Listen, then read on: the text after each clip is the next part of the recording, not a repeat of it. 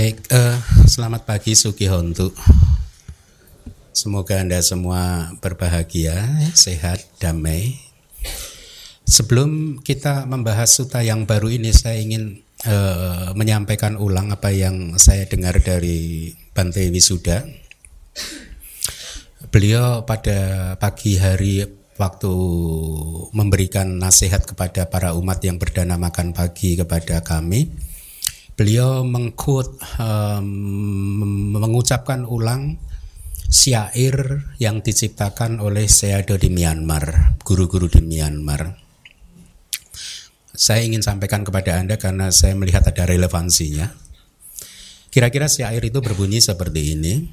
Sasana ini, ajaran Buddha Gautama ini ditemukan oleh seseorang yang akumulasinya, kumpulan atau kebajikan yang sudah dikumpulkan, akumulasi kebajikannya itu sangat besar.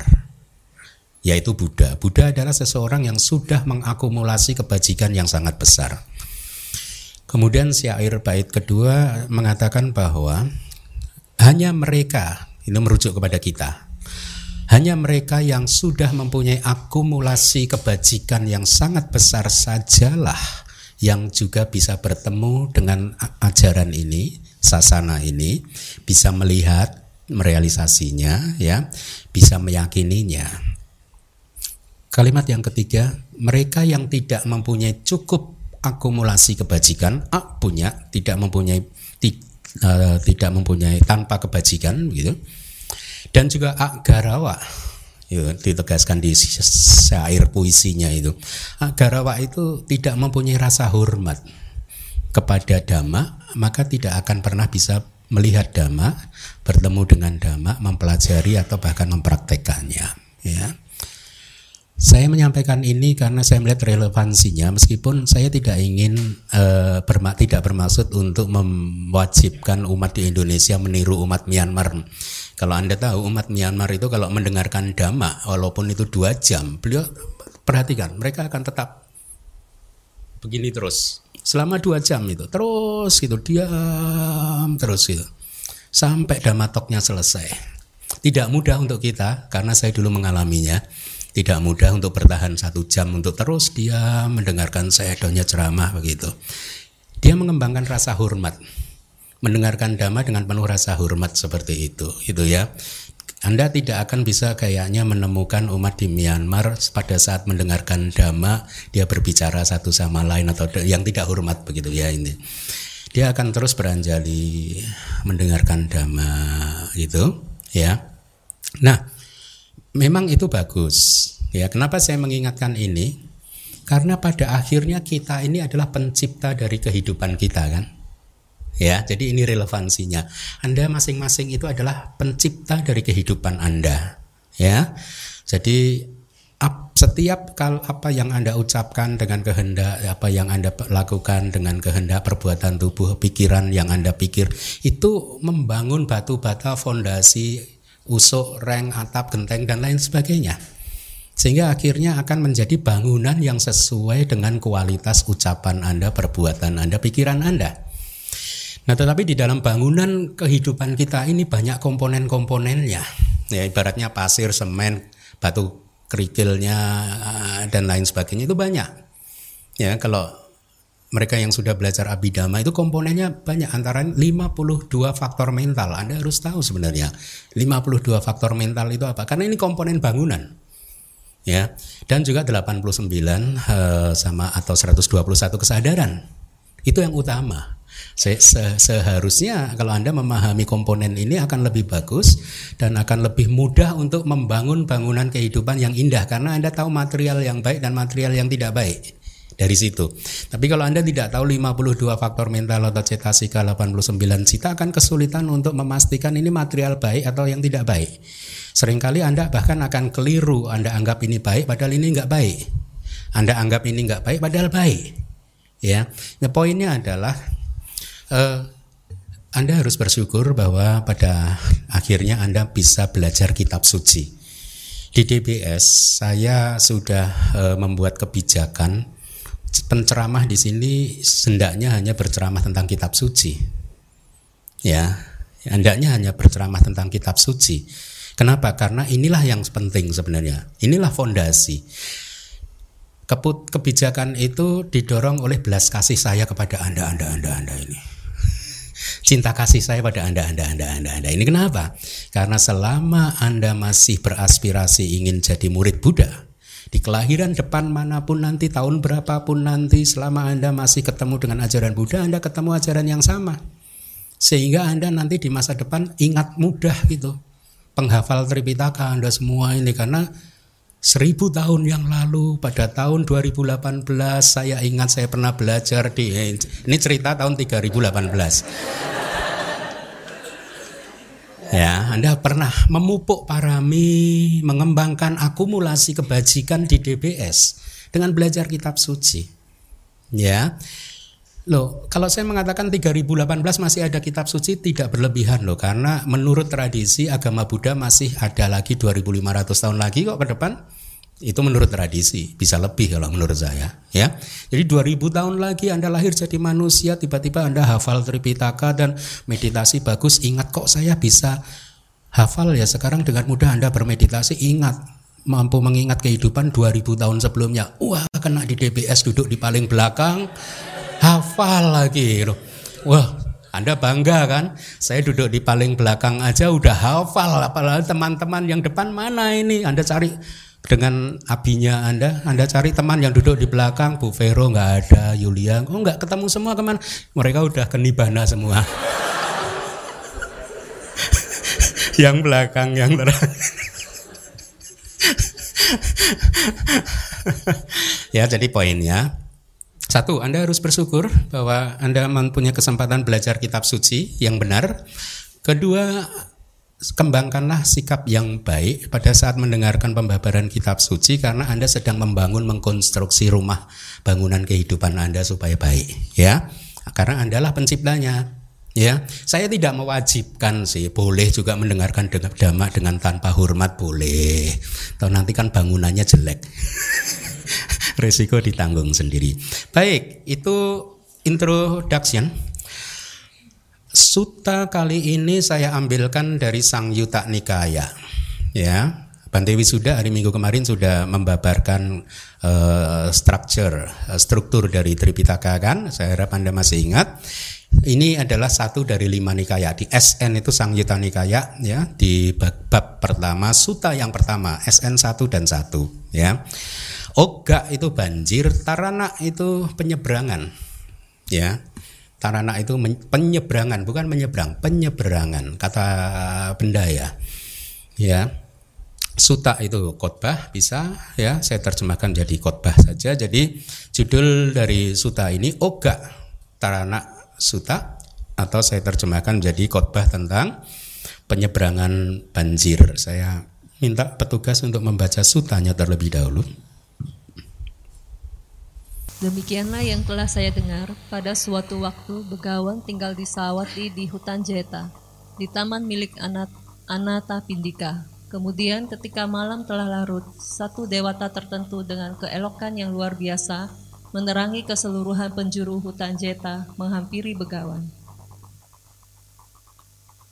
Setelah mendekat, dia memberi hormat pada Begawan dan berdiri di satu sisi, Berdiri di satu sisi, dewa tersebut berkata demikian pada begawan. Bagaimanakah Anda menyeberang banjir, Tuan?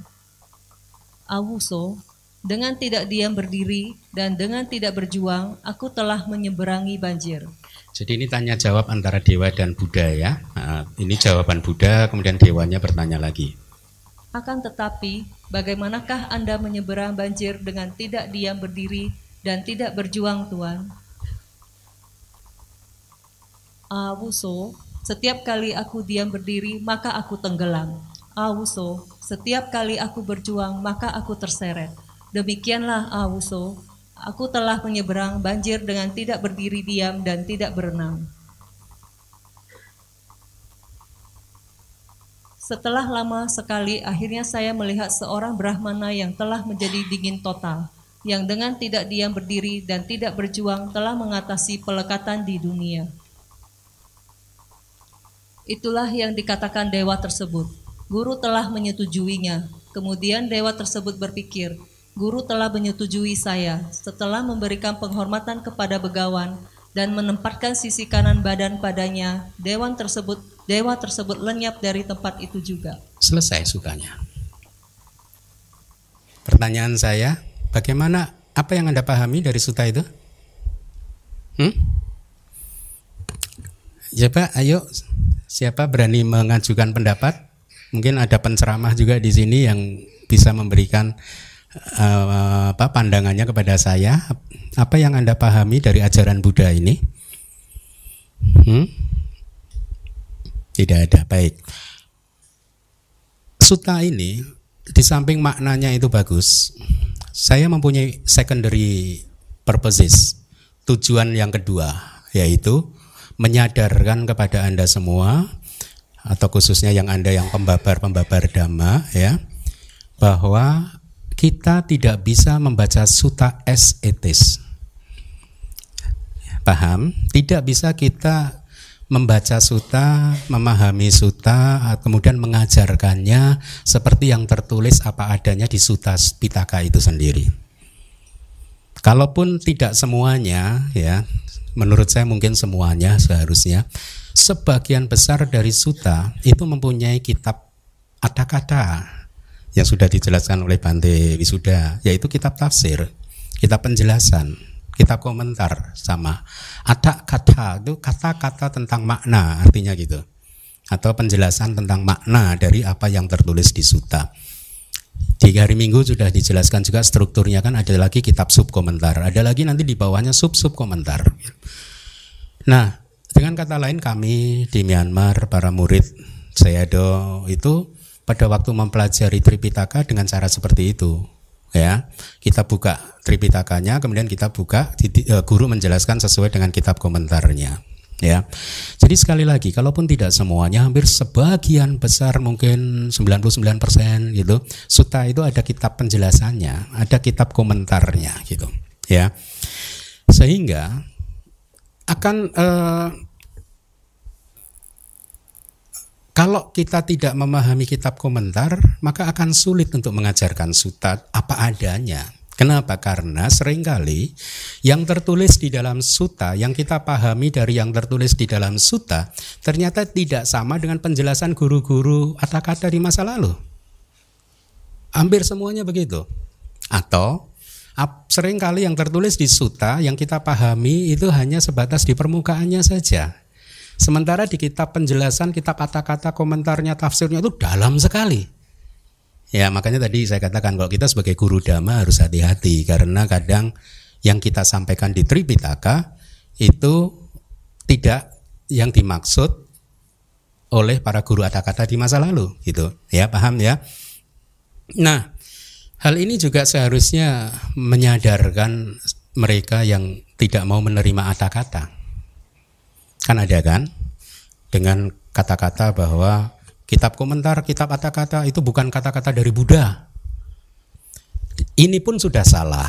Mengatakan bahwa kitab kata-kata tidak dari Buddha pun sudah salah. Kenapa? Karena sebagian dari kata-kata itu dari Buddha juga. Yang tidak dimasukkan di dalam Tripitaka itu banyak kita temui ya. Jadi mengatakan bahwa kata-kata bukan dari Buddha salah. Karena sebagian ada yang dari Buddha, memang sebagian bukan dari Buddha. Ya. Nah, masalahnya adalah kalau Anda menolak kitab komentar, Anda menolak kitab eh, kata-kata tadi, ya. Lalu anda akan sering kali bertemu dengan situasi seperti ini tadi, membaca suta ini coba Anda pahaminya bagaimana. Kalau Anda ini ibaratnya guru dharma yang terbiasa hanya membahas suta yang tampak di suta pitaka saja, begitu membaca suta ini, kemudian katakanlah di satu daerah ada tsunami, banjir besar, Anda ke sana seperti dewa penolong kan, Wahai umat jangan khawatir. Anda sudah dijamin oleh guru agung kita Buddha Gotama Seberangilah banjir dengan tidak diam berdiri dan tidak berjuang. Tenang pasti Anda bebas. Loh iya kan? Karena sutanya kan bercerita tentang banjir kan? Betul tidak? Hah? Kalau mereka yang hanya belajar Tripitaka tanpa kata-kata akan menafsirkan ini guru Buddha sedang mengajari kita berenang atau apa gitu atau menasihati kita tenang kalau pas lagi banjir jangan diam, jangan berjuang. Jangan berjuang itu bahasa Pali, jangan berjuang, jangan berontak itu sama. Ay, an ayuhana, an ayuhang, anayuhang, anayuha tanpa m belakangnya. Itu juga bisa diterjemahkan tidak berenang. Tidak berenang. Kemarin mau saya terjemahkan tidak berenang tapi kok kitab komentarnya kok sepertinya agak ini jadi saya kembalikan lagi menjadi tidak berjuang. Jadi dengan tidak diam saja dan tidak berenang sebenarnya gitu. Tidak diam saja tidak berjuang saya kembalikan ke sana. Nah, jadi suta ini sangat bagus untuk menyadarkan kita semua bahwa ada kata itu perlu. Ya, jadi mereka yang mengatakan kitab komentar itu tidak perlu akan kesulitan untuk menjaga konsistensi prinsipnya sendiri. Yaitu tidak butuh kitab komentar karena itu bukan kata-kata Buddha, langsung belajar dari Tripitaka saja. Karena itu pasti kata-kata Buddha. Jadi orang ini pengen memegang kata-kata Buddha saja. Ya kan? Padahal yang diceramahkan itu kata-kata Budanya hanya sedikit, yang kata-kata dia banyak. Jadi tidak konsisten. Dengan kata lain, dia membuat komentar sendiri. Ya, terhadap suta dia membuat komentar sendiri. Dia menolak kitab komentar dari guru masa lalu, sebagian arahat, ya, ditolak dan dia lebih senang membuat komentarnya sendiri. Jadi itulah yang saya katakan akan kesulitan menjaga konsisten si dari ucapannya itu sendiri. Oleh karena itu sekali lagi beruntunglah kita bahwa kita mendapatkan kesempatan belajar kitab suci ya dan juga mengupasnya dari kitab-kitab komentar dan kitab sub komentar ya karena eh, ini akan bermanfaat dan berbuah besar untuk kelahiran Anda di setiap kelahiran. Ya, kenapa? Karena kalau Anda memahami Tripitaka di kehidupan hari kali ini ini menjadi upanisaya peceo, kondisi yang mensupport secara dekat, mensupport secara kuat untuk pemahaman Anda di berikutnya nanti. Itu. Jadi seribu tahun lagi Anda menjadi orang yang hafal Tripitaka. Sadu ya. Sah, saya mau terima kasih ya ke Bante Keminda gitu saya cari ini lewat apinya Anda itu Bante Keminda mana gitu kan. Ketemu nggak? Baik, itu lagi uh, uh, uh, introduction dari saya. Mari kita lihat sekarang kitab kata-katanya. Jadi sebelum Anda kita sampai ke slide uh, tadi, tadi di depan sudah saya katakan suta ini berasal dari SN. SN itu Sang Yuta Nikaya, ya. Arti dari Sang Yuta itu sendiri adalah semacam rangkaian Sang Yuta terangkai dengan sempurna Sang Yuta. Itu terangkai dengan sem atau terangkai bersama-sama. Dirangkai bersama-sama. Itu sang yuta ada sangnya soalnya di sam gitu ya. E, jadi yuta yuta itu e, anda kalau di abidama banyak kata-kata ini bisa ditemukan. Kalau di suta apa? Yuta itu semacam terangkai. Jadi satu dan yang lainnya dirangkaikan gitu. Itu yuta. Tapi ada kata depannya sam sam sam sang. Sang itu bisa dengan sempurna artinya terangkai dengan sempurna bisa juga terangkai bersama-sama ya. Semuanya terangkai bersama-sama begitu ya.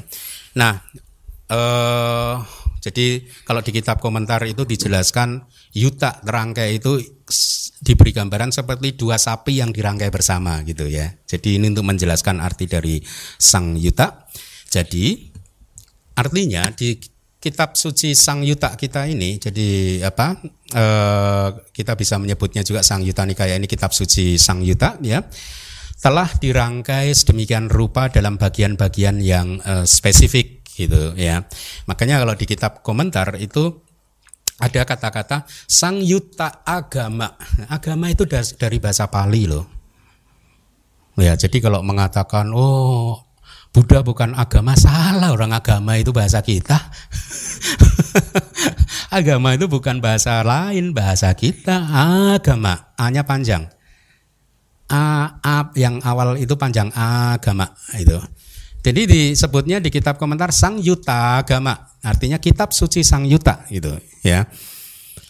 Agama juga di dalam bahasa Pali agama juga bisa berarti agama agama bahasa Indonesia bisa berarti juga kitab suci. Banyak artinya dari agama ya. Jadi sekarang Anda tahu bahwa ternyata kata agama itu adalah berasal dari kita. Tapi Anda jangan kemudian proklamasi di luar saya yang paling beragama. Nah, jangan. Nanti Anda dikomplain sama yang lain. ya. Nah, eh, kitab suci dari Sang Yutak ini ya kita baca saja. Harusnya ber, terdiri dari lima bab atau lima buku ya. Kita baca di syair. Sehubungan dengan hal tersebut atau hal ini yang dinamakan kitab suci Sang Yuta atau Sang Yuta agama ada lima bagian atau lima buku sama lima kelompok ya. Ini kitabnya sangat tebal. Satu kitab aja tebalnya yang bahasa Inggris. Kertasnya tipis-tipis kayak kertas kitab suci yang lain itu. Tipis-tipis segini loh. Tebal sekali ya bahasa Inggrisnya baru sutanya belum kitab komentarnya. Ini mungkin 5000 halaman 7000 halaman saya lupa. 8000 halaman tebal sekali. Ya. E, terdiri dari lima bagian lima buku atau lima kelompok. Yang pertama bahasa palinya adalah waga itu ada di layar. Waga ya. Eh sa sa sa plus gata sa itu dengan gata itu syair. Jadi ini adalah kumpulan yang ajaran Buddha yang dengan syair kira-kira begitu ya. Saya terjemahkan menjadi bagian atau bab yang berisikan syair ya. Bagian yang kedua tentang nidana ya. Nidana itu ya asal mula sebab dari segala sesuatu jadi di bagian kedua ini Buddha mengajarkan kepada kita tentang sebab musabab dari agregat dan lain sebagainya. Itu dari dhamma ya. Di bagian yang ketiga kanda waga. Kandaka waga. Tadi nidana waga. Yang pertama sagada waga. Waga itu sebenarnya diadopsi juga di bahasa Indonesia menjadi warga. Sama. Anda warga RT mana? RT 7 katakanlah. Nah, sama artinya. Jadi kumpulan yang berada di tempat RT 7 ini gitu. Sama, waga itu ya kumpulan tadi, kelompok. Ya. Bahasa Indonesia jadi berubah jadi warga. Kandak wakanda kak waga bagian tentang agregat. Kemudian yang eh, berikutnya lima ya benar ya. Yang berikutnya adalah salah yatana waga, enam landasan indriawi bagian tentang enam landasan indriawi. Jadi di bagian ini kalau tadi ber, bercerita tentang pancakanda ya agregat-agregat, di bagian ini Buddha mengajarkan tentang enam landasan indriawi, landasan mata, telinga, hidung, lidah, tubuh dan juga batin. Ya kalau kita di abidama sangat akrab dengan hal seperti ini. Kemudian yang terakhir adalah maha waga. Anda tahu kata maha kan? Ya kita pakai juga di bahasa Indonesia maha. Jadi ini warga yang besar kelompok yang besar itu ya bagian yang besar. Nah nah uh, uh, sebentar. Jadi di Sagata Waga yang bagian dengan syair ya di sini terdapat 11 sang yuta 11 rangkaian atau 11 tema gitu dengan jumlah total sutanya ada 271 suta. Ya. Oga Tarana Suta menempati urutan pertama di waga yang pertama. Makanya tadi kodenya SN 1 titik satu karena dia ada di bab pertama bagian pertama suta nomor satu itu itu kode dan kode itu standar di seluruh dunia tidak tidak sembarangan menciptakannya karena itu adalah belas kasih penulis kepada mereka yang mau menelusurinya sendiri. Jadi kita harus bertanggung jawab sebenarnya buat guru dhamma, pembabar, penulis buku. Pada saat memberikan tanda referensi begitu harus bertanggung jawab. Dalam artian kita harus memberikan informasi yang benar supaya nanti pembaca atau pendengar kalau ingin memperdalam lebih lanjut dia bisa melacaknya sendiri. Tapi kalau mencantumkannya sembarangan ya yang lain tersesat akhirnya tidak bisa melacak begitu ya. Nah, eh, Oga Tarana Suta yang akan kita pelajari ada di waga yang pertama, warga yang pertama yaitu Sagada Waga dan di tema yang pertama yaitu tema tentang dewata. Makanya tadi pertanyaan tentang de dewata kan. Apa beda dewa dan dewata? Dewata itu bisa mencakup yang berasal dari rupa Brahma, arupa Brahma, dia tidak tidak merujuk kepada ini laki-laki atau perempuan. Ya, dewata. Kita juga mengenal kata dewata kan? Pulau Bali adalah pulau de Nah, sama kan? Ya. Nanti Anda tahu dewata ini berasal dari mana. Saya bocorkan terlebih dahulu. Jangan bilang-bilang ya. Ini adalah Brahma dari rupa wacara bumi. Jangan bilang-bilang ya. Brahma dari rupa wacara. Ya.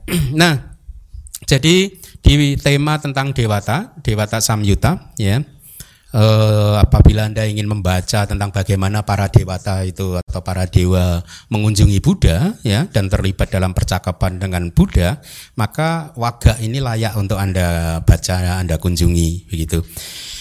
Ya, jadi itu lima bagian di Sang Yuta Nikaya. Selanjutnya, ini lihat.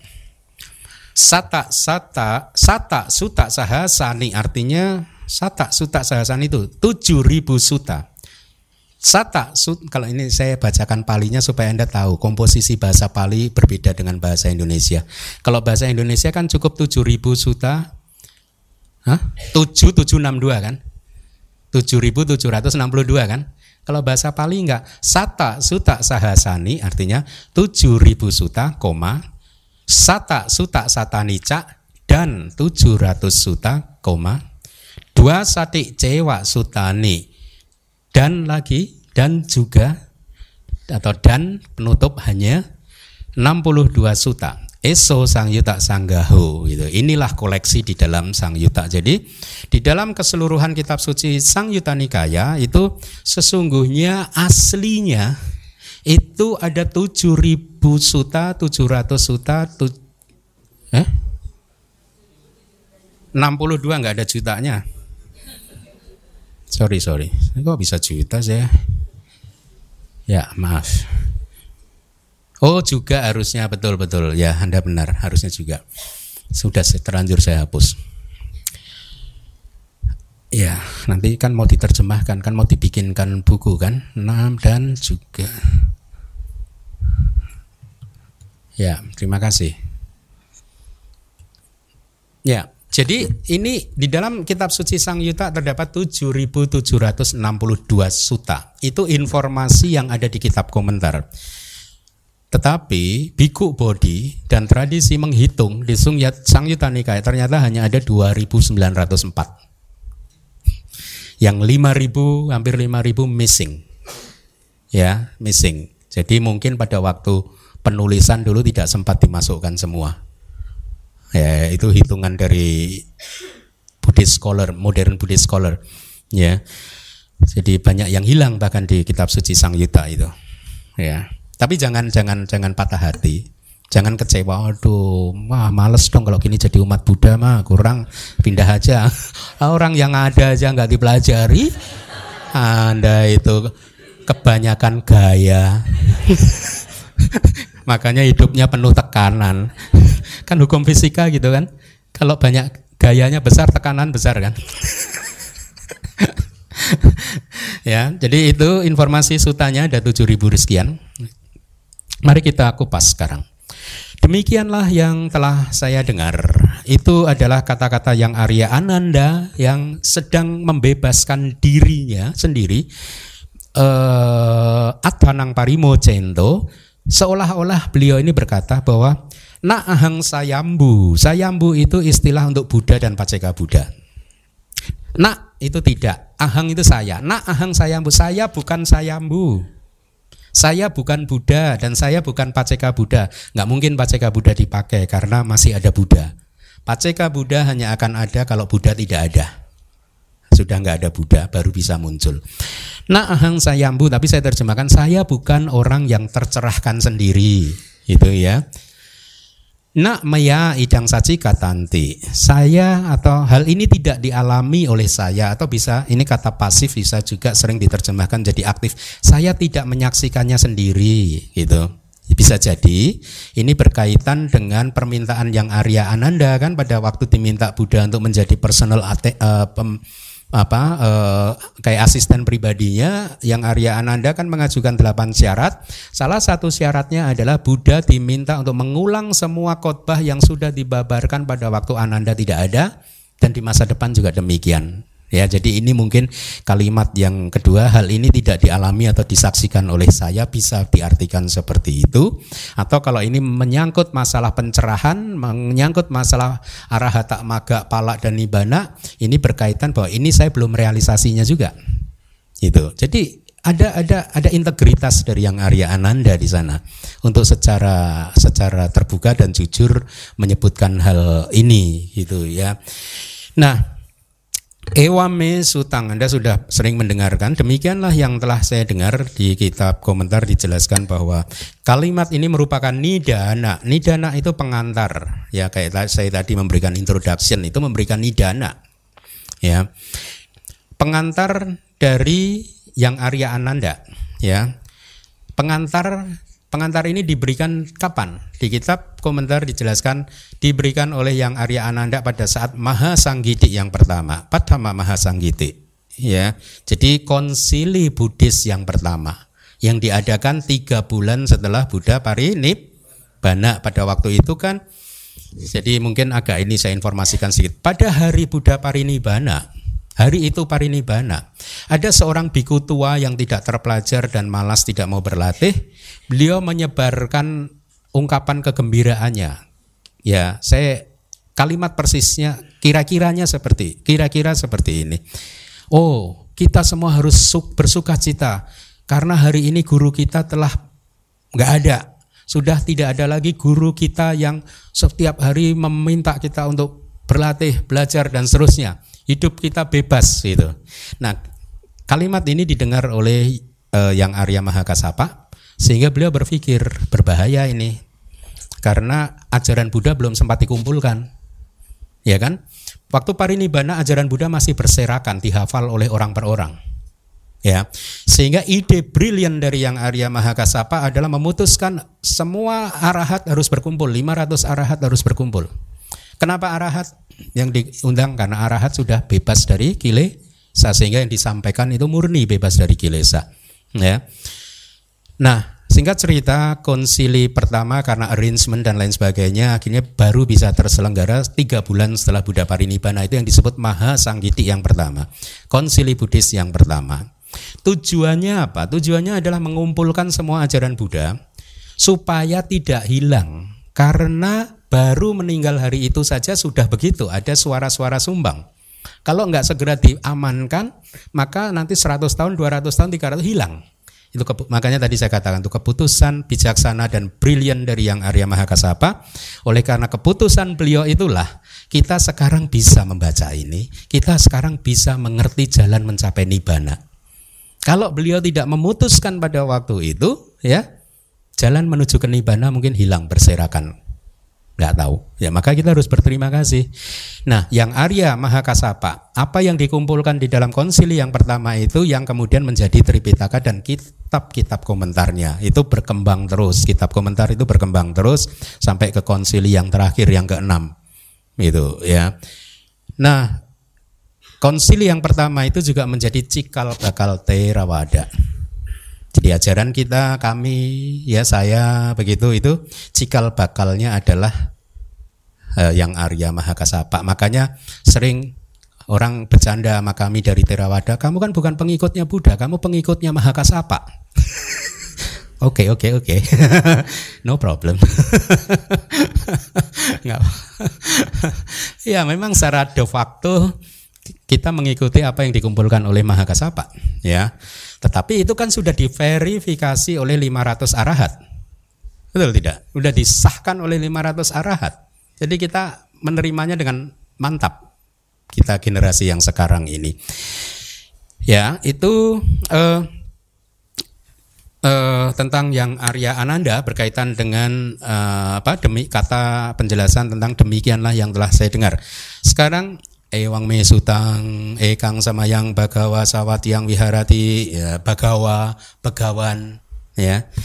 Sebenarnya begawan itu juga bisa berarti guru dunia, geruk loke, guru dunia. Ini di sini saya terjemahkan guru harusnya ada kata dunianya, ya. Kenapa? Oleh karena beliau ini menjadi guru dunia, maka dikatakan oh kalimat arti yang kedua adalah oleh karena beliau menjadi guru dunia maka dikatakan sebagai begawan. Bagawa ya. Atau arti berikutnya adalah Bagawa adalah pembabar dhamma yang penuh dengan kemuliaan. Di kitab komentar panjang sekali penjelasan tentang Bagawan dan bahkan di kitab sub komentar juga panjang sekali saya mencoba membacanya dan saya merasa mungkin tidak untuk saya sampaikan di kelas ini karena terlalu panjang ada kemungkinan nanti kalau udah menjadi buku saya akan lengkapi itu ya e, saya sempat mencatat sedikit misalkan disebut sebagai begawan karena beliau adalah orang yang mulia, orang yang suci, orang yang dianggap oh dari KBBI ini. Kamus Besar Bahasa Indonesia. Orang yang mulia, orang yang suci, orang yang dianggap sebagai peletak dasar dalam bidang tertentu, misalkan dalam bidang agama Buddha. Inilah mengapa kata begawan saya adopsi menjadi kata, uh, untuk terjemahan kata begawa. Nah, tapi di dalam kitab komentar juga ada penjelasan tambahan arti dari bagawa atau begawan Guru untuk semua makhluk yang memiliki semua kualitas menonjol dan superior ya.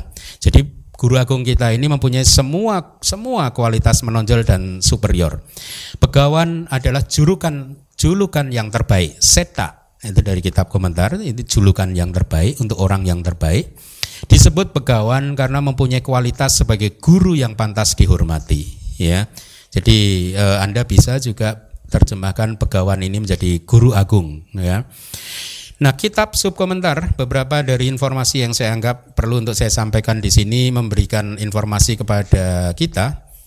Bagaimana ada pertanyaan, bagaimana Anda memahami kenapa beliau disebut sebagai pegawan? Ya, ya banyak sekali penjelasannya di atas kata dan tiga. Di sini saya sampaikan beberapa saja.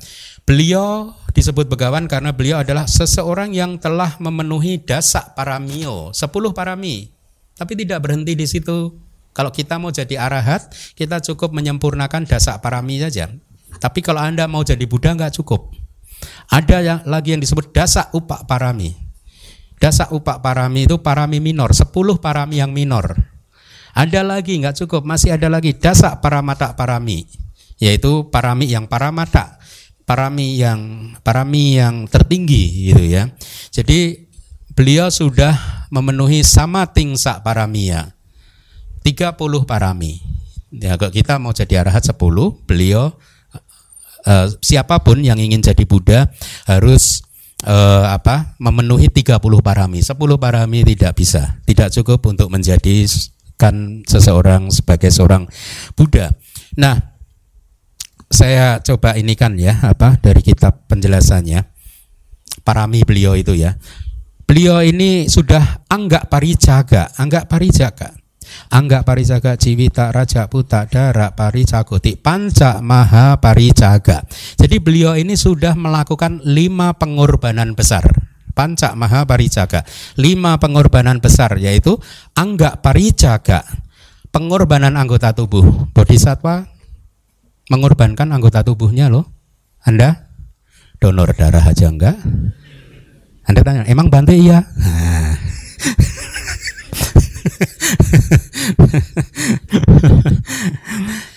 itu yang pertama, jiwita juga dikorbankan. Jiwita itu nyawa. Nyawanya diberikan loh waktu jadi bodhisatwa itu, ya. Raja, raja itu kingship. Kingship itu apa? tahta kerajaan.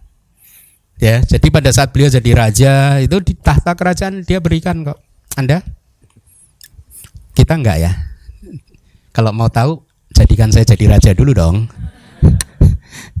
Puta juga, puta. Jadi puta itu apa? Putra, tapi juga anak-anak gitulah ya, bisa putra, bisa putri kan.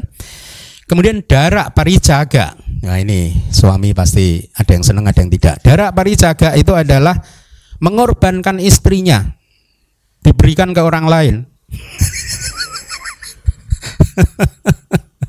Enggak ya, enggak bagus ya. Tapi bodhisattva melakukan itu, makanya orang barat enggak paham. Tapi kita enggak punya cukup waktu lah untuk membahas ini, ya. Nah, tetapi bodhisattva mengorbankan apa melakukan menyempurnakan 30 parami ini tidak cukup juga. Beliau melak, ini kan uh, tiga praktek juga, uh, tiga tiga perbuatan, ya, yaitu nyata carya, artinya um, nyata carya, melakukan perbuatan demi nyati atak demi manfaat sanak family. Jadi berbuat untuk sanak family, membawa manfaat untuk sanak familinya. Ya. Itu praktek pertama, praktek tingkat pertama. Bodhisatwa di dalam kehidupannya selalu memberikan manfaat buat anak istrinya. Ya, makanya tidak benar dulu waktu saya pernah sampaikan kan di Singapura ada seorang maaf ini maaf maaf beribu maaf ada seseorang dengan uh, profesi sebagai sopir taksi ingin menjadi hidup di Singapura ingin jadi biku wah anak istrinya nangis semua kan nangis semua menemui saya kemudian Kok suaranya begini ya? Komang. Kayaknya ini ya.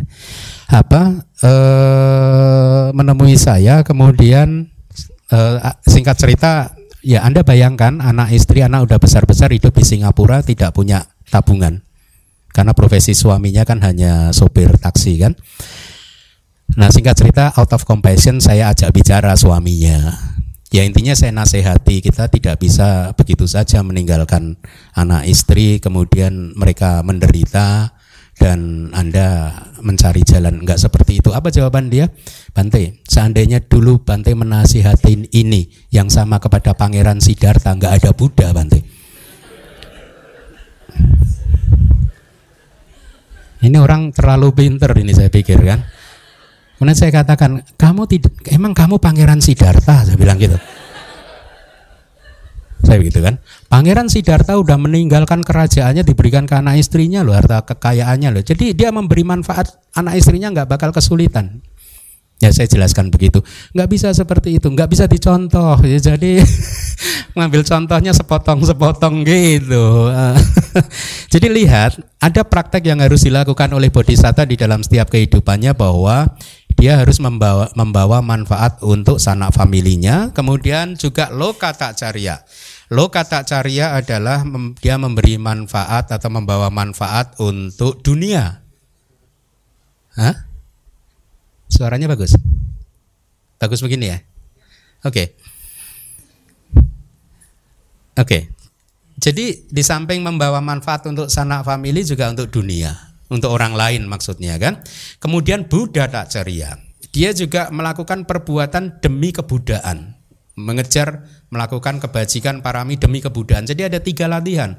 Untuk sanak famili dia memberi manfaat, untuk orang lain teman-teman dunia memberi manfaat, dan juga dia tidak melupakan tujuan akhirnya untuk menjadi Buddha. Ya. Nah, oleh karena semua dhamma seperti sila dan kualitas-kualitas kebajikan ditemukan di dalam Sugata, itu nama lain lagi dari Buddha, maka beliau disebut sebagai begawan ya. Kemudian ada kalimat yang panjang beliau memiliki silang, sila, samadhi, panya, wimuti. Wimuti itu pembebasan. Wimuti nyana dasanang, penglihatan dan pengetahuan tentang pembebasan. Hiri, otapa, rasa malu dan tidak takut berbuat jahat. Sada, wirya, sati. Bahasa palinya aja ya.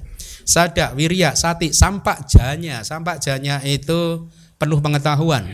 Sila wisudi, silanya yang murni kemurnian silanya itu uh, silanya yang sudah termurnikan, silanya yang sudah bersih. Didik wisudi, pandangannya sudah bersih. Samata, samata beliau memiliki semua delapan jana, kasina dan lain sebagainya.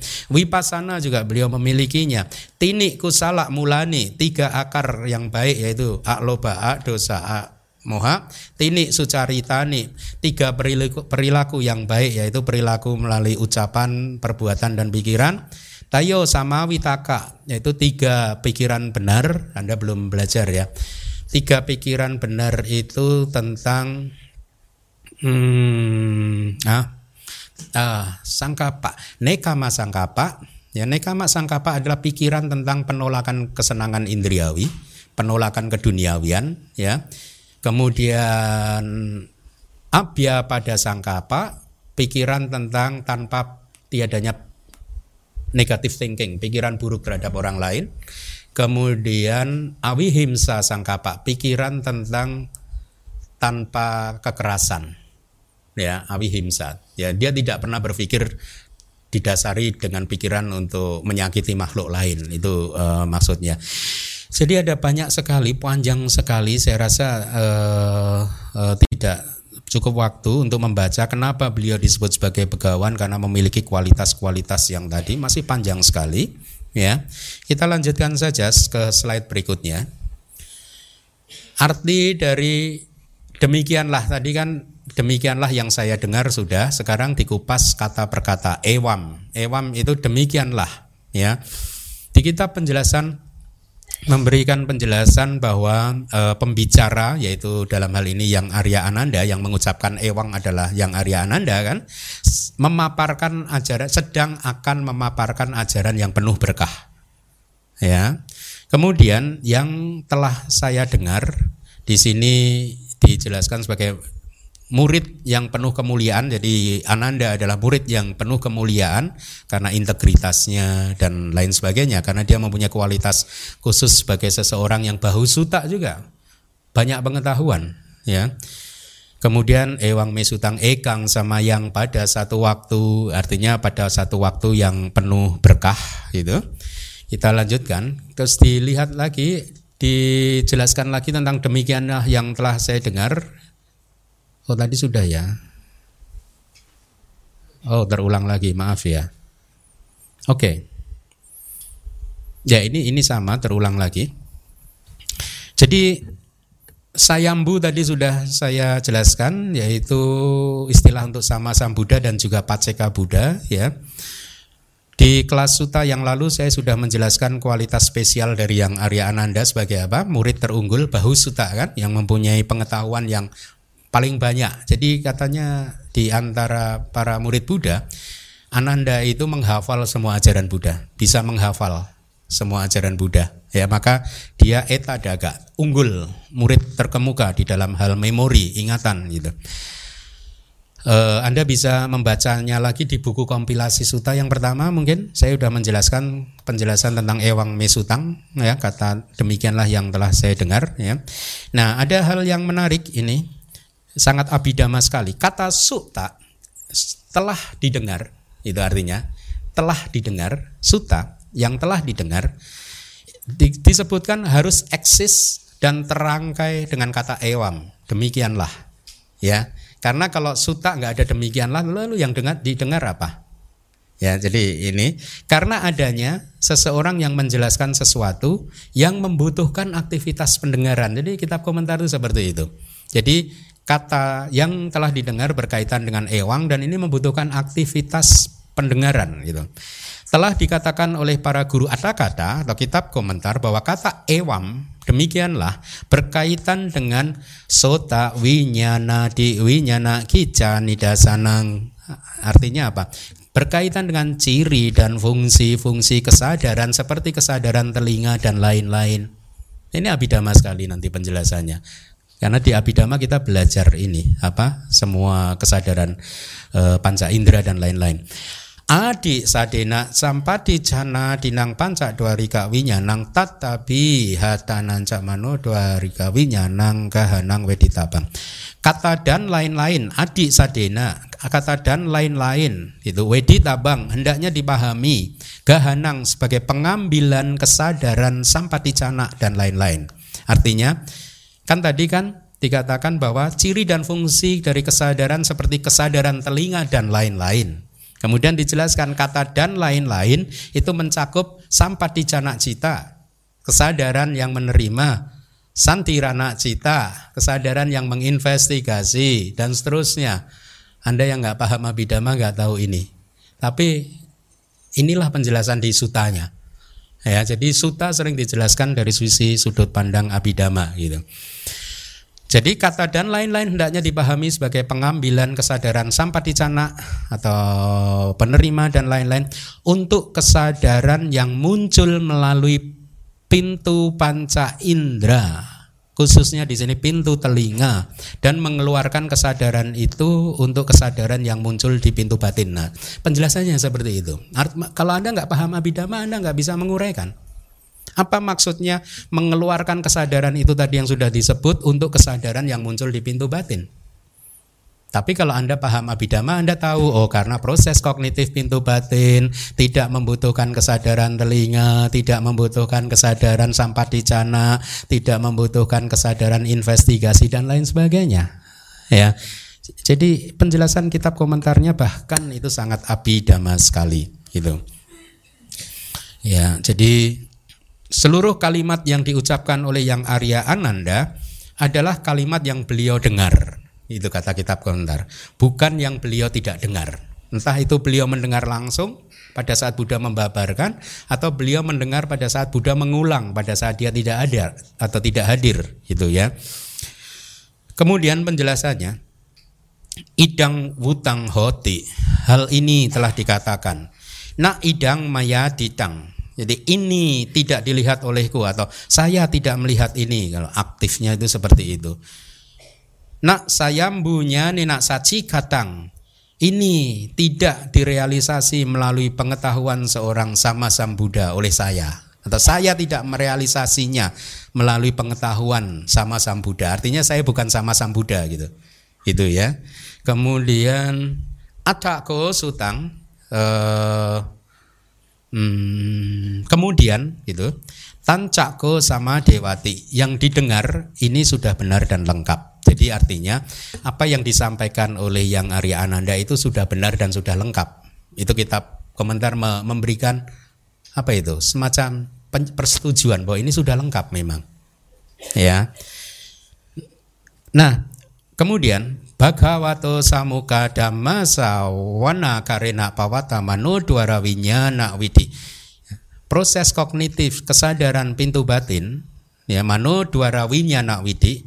Proses kognitif kesadaran pintu batin yang mengalir melalui cara pendengaran dhamma di depan bagawan. Jadi kalau saya menjelaskan ini akan sangat panjang, saya ringkas saja. Pada saat Anda mendengar, itu terjadi dua proses yang berurutan.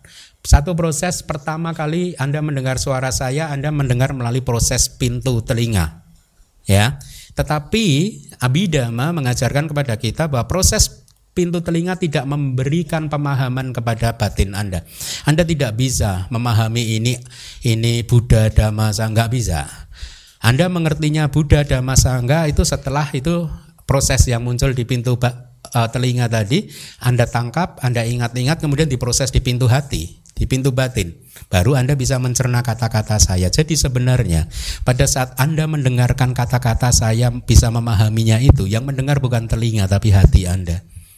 Yang memahami kata-kata saya adalah hati Anda bukan telinga Anda. Itu yang dimaksud, ya. Baik, kemudian masih ada informasi lagi.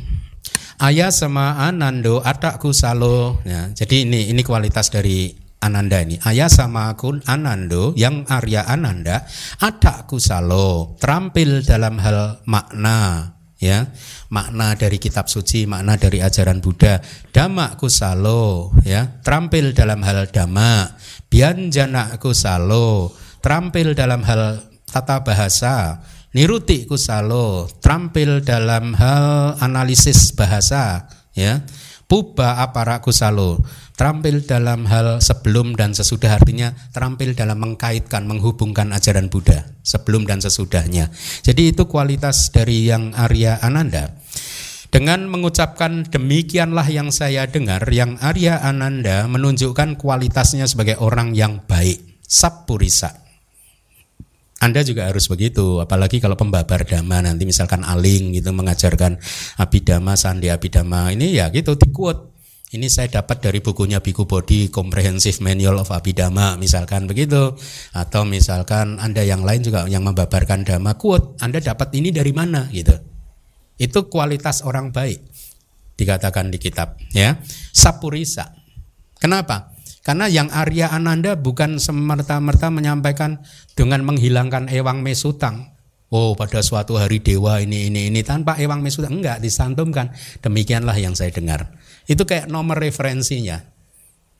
Ya, jadi di kitab komentar dijelaskan bahwa dengan seperti itu melakukan hal seperti itu, maka yang Arya Ananda menunjukkan kualitas dirinya sebagai orang yang baik, sapuras, sapurisa, dia melampaui kualitas orang yang tidak baik, a sapurisa, yaitu a kata nyuta, artinya orang yang tidak tahu berterima kasih. Bahkan itu kitab komentar menyebutkan seperti itu. Dengan menyebutkan ewang mesutang di, di kitab komentar dijelaskan bahwa dengan demikian sekaligus yang Arya Ananda juga mengucapkan terima kasih kepada Buddha yang sudah mengajarkan dhamma. Ya, ya ini teladan yang baik untuk kita ya. Makanya saya kalau menulis buku selalu referensi saya saya masuk-masukkan. Bahkan di akhir buku itu ada yang disebut apa? Daftar pustaka ya. Daftar pustaka ini semua masuk kan supaya ini bentuk saya mencoba untuk meniru kayak yang Arya Ananda lah dikit-dikit lah. dikit-dikit. ya bahwa saya ke banyak orang saya menyampaikan, "No, no, saya bukan penulis buku." Saya selalu saya tidak merasa saya penulis buku. Saya adalah kompilator. Seseorang yang mengcompile saja atau yang mengcopy paste angkat dari kitab suci saya tempelkan di buku, angkat dari kitab suci saya tempelkan di buku. Semuanya bukan dari saya. Saya hanya kompilator yang mengumpulkan saja, merangkumnya saja gitu. Ya. Nah, jadi kita mendapat teladan yang sangat baik dan kita hendaknya meniru yang Arya Ananda dengan demikian dijelaskan demi dengan demikian beliau menjauh dari kualitas batin yang tidak baik aksadama kualitas batin yang tidak baik. Dia jauh dari itu dan kokoh dengan batin yang sesuai dengan dhamma sesuai dengan sadama ya dhamma yang benar ya. Dengan mengucapkan ewang mesutang menarik ya. Kalau kita nggak bisa bongkar kitab komentar dan kitab sub komentar kan kita nggak dapat informasi seperti ini kan ya ya. Dengan mengucapkan ewang mesutang demikianlah yang telah saya dengar. Maka yang Arya Ananda seperti sedang memberikan klarifikasi bahwa kata-kata di suta ini adalah milik begawan. Ya tadi saya mengklarifikasi buku manual abidama bukan dari saya tapi saya ambil dari kitab suci. Itu ya. Dia Beliau yang Arya Ananda hanya menyampaikan ulang apa yang Guru Agung telah ucapkan, apa yang Begawan telah ucapkan. Jadi semuanya adalah kata-kata dari Jina Wacanang. Itu artinya kata-kata dari penakluk, sang penakluk. Jina itu julukan untuk Buddha. Buddha itu mempunyai julukan Jina, J I N A. Bukan bukan bahasa Indonesia loh ya, J I N A. Tapi memang bacanya Jina gitu. Bukan hewan liar jadi Jina enggak Jina itu artinya penakluk.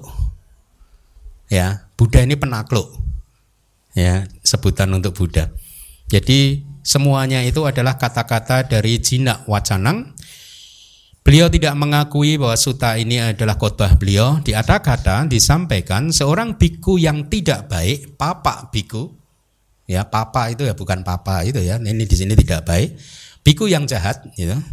Setelah menguasai dhamma dan winaya yang diajarkan oleh Buddha, kemudian mengakui ajaran tersebut sebagai ajaran dirinya sendiri. Makanya saya pernah menyampaikan kepada murid saya itu kagum dengan seado-seado itu loh. Meskipun di mata saya seado yang terkenal itu well accomplished, meditasinya jago, hebat. Tapi kalau mengajarkan dhamma, beliau selalu mengajarkan ajaran Buddha saja loh. Kalau Anda baca buku-bukunya, ceramahnya selalu ajaran Buddha gitu. Hebat ya. Nah, saya saya terhadap yang demikian itu saya menundukkan kepala saya kepada beliau-beliau ini. Ya. Catatan ya ini khusus dari saya maka itu adalah teladan buat kita khususnya pembabar dhamma harus membiasakan diri untuk menyebutkan sumber referensi yang benar karena itu sebagai bentuk tanggung jawab kita secara moral ya Uh, sumber referensi penomoran yang kita cantumkan juga harus kita periksa dan kita pastikan bahwa itu benar bukan asal nulis saja karena sering kali saya kalau membaca teks apa di internet gitu, begitu saya tertarik, saya cek itu oh, dia memberikan kode kan misalkan tadi SN11 gitu. Setelah saya cari S nggak ketemu. Waduh ini orangnya tidak bertanggung jawab ini gitu. Jadi kita harus bertanggung jawab supaya mereka yang membutuhkan bisa menemukannya. Kalau mereka ingin eksplorasi sendiri, ya. Jadi eh, dengan kalimat ini beliau juga menjauh dari asa dhamma, bukan dhamma yang baik dan sadame citang patita peti. Membuat dirinya sendiri kokoh, membuat batinnya kokoh di sadama, di dhamma yang baik. Baik, apakah masih ada waktu? Sudah tidak ada ya.